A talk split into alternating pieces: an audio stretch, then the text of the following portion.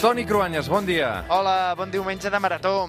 Som-hi, perquè ja fa una estona que, que ens hi hem posat, hem arrencat la marató en aquest suplement, tu ja saps de què va això, eh? Vinga, sí, sí, però estic d'acord, va, vinga, som-hi perquè tothom sap de què va la marató, tothom sap la finalitat, que és la recerca, però aquest any és que tothom ja sap gairebé tot el que es pot saber de la malaltia que va dedicada.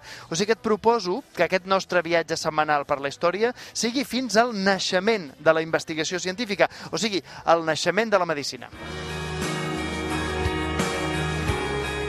Mira, aquesta és la sintonia d'Anatomia de Grey. Uh, pensava que si parlàvem de la història de la medicina encara aniríem una mica més enrere. Veig que de moment m'has portat una cosa recent, eh? Uh, vols anar més enrere? Més enrere que Anatomia de Grey? Doncs escolta això.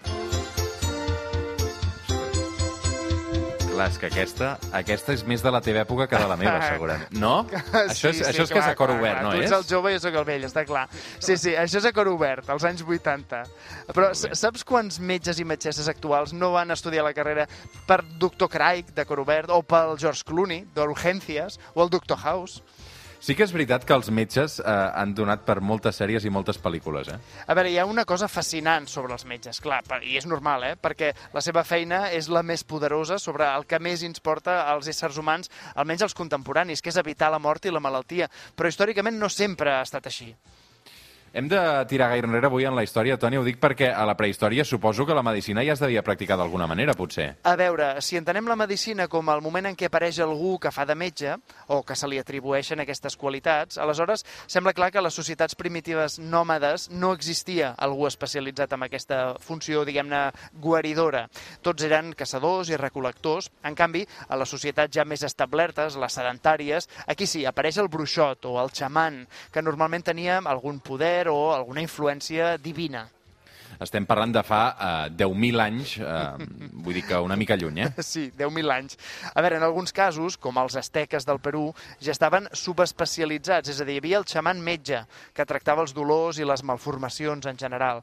Uh, també hi havia el que en diríem el xaman de guerra, que era l'expert en ferides o en traumatismes propis dels combats, i finalment hi havia la llevadora, que supervisava els embarassos, els naixements i els primers anys de les criatures.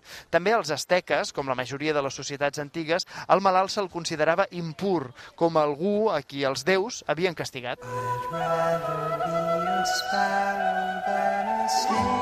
Tot això, Toni, pel que fa a les societats precolombines que van durar fins fa 500 anys. Ara bé, la medicina occidental té els orígens a la Grècia antiga, no? Sí, podríem parlar de la medicina índia, la xinesa, l'africana, parlaríem de milers d'anys enrere, però l'arrel de la nostra medicina, com deies, passa per Grècia.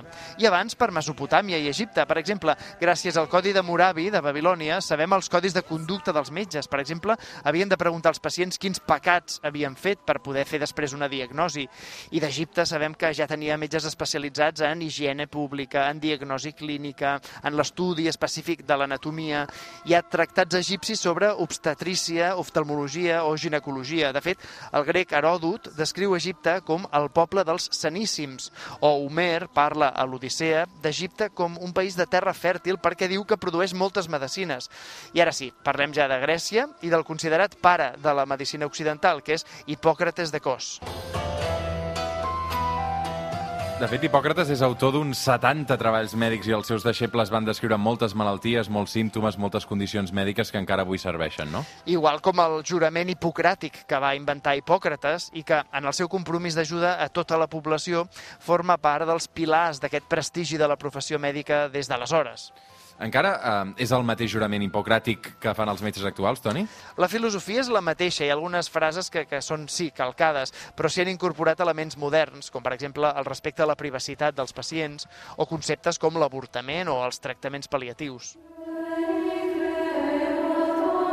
Toni, avancem en la història, però no en els coneixements mèdics, perquè l'edat mitjana a Europa va significar un retrocés precisament en l'estudi de la medicina, que va abandonar els coneixements més clàssics. Sí, de fet, l'hegemonia científica en aquella època va ser de l'islam, que ells sí que van traduir i seguir els coneixements dels grecs fil per randa, i les universitats islàmiques van desenvolupar estris i una política d'higiene pública, d'higiene per tothom, que estava a anys llum de l'Europa cristiana del moment. És curiós perquè políticament i religiosament, tant l'Europa cristiana com el territori controlat pels musulmans eren teocentristes, posaven a Déu i la religió per davant de la raó.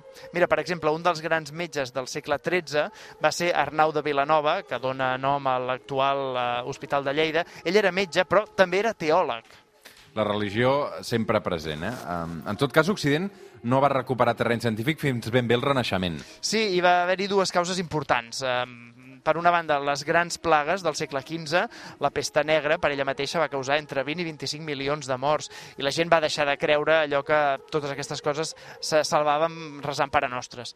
L'altre gran esdeveniment, les universitats italianes del nord d'Itàlia, amb la tradició de l'humanisme de l'antiga Roma i les influències comercials a través de Venècia, que venien de Bizanci i de l'Orient, floreixen les arts i la ciència. Això fa que, per exemple, Leonardo da Vinci estudia i dibuixa el cos humà, Copèrnic és capaç de canviar l'evidència que no tot gira al voltant de Déu, Andrés Besalio, que és el més gran anatomista en aquell moment. Bé, allà és on irradia un nou ordre científic que arriba després a Anglaterra, amb Roger Bacon o Miquel Servet a la península Ibèrica. A partir d'aquí, entre el Renaixement i la Il·lustració, la ciència, la medicina, ja es desenvolupen almenys amb aquests paràmetres, amb aquesta idea que nosaltres ja coneixem.